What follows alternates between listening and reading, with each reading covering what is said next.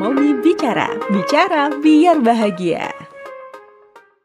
Halo, Assalamualaikum.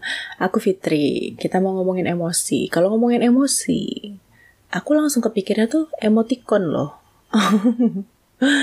Jadi aku tuh kalau misal WhatsAppan gitu ya, itu aku lebih suka ngasih emoji atau emoticon karena menurutku dari kata-kata aja tuh nggak cukup untuk menunjukkan how we really feel. Kayak misal, aduh makasih banget ya gitu kan kadang orang kalau cuma kata terima kasih kayak ada yang kurang gitu kalau buat aku sih ya buat aku. Jadi ditambahin uh, tangan tertangkup, tangan tertangkup apa sih bahasa Indonesia-nya menangkupkan kedua tangan gitu. Thank you gitu kan.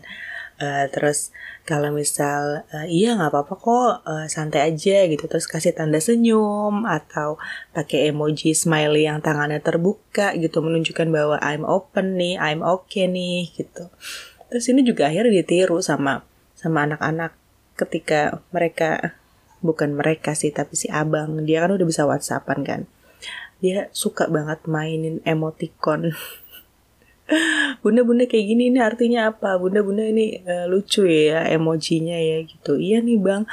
Lucu. Nih biasanya bunda kalau lagi senang nih kasih kasih ini nih gitu. Terus uh, kayak dia pas itu kirim akung apa uti gitu ya ke nenek kakeknya. WhatsApp abang kangen banget. Terus kasih emoji yang ada love love ya gitu. Oh ya ampun so sweet banget emosi itu memang sesuatu yang apa ya harus di harus dikelola dan mau nggak mau pasti kita rasain ya. Dan jangan sampai emosi yang kita rasain itu dominan hanya satu aja. Dan emosi itu bisa ditunjukkan dengan berbagai macam cara.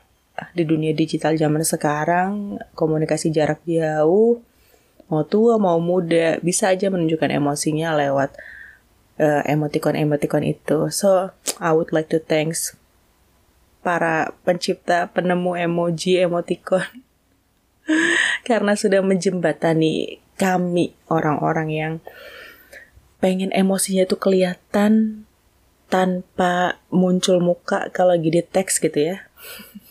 Thank you, thank you, thank you, thank you. And thank you sudah mendengarkan. That's all for today. Bye.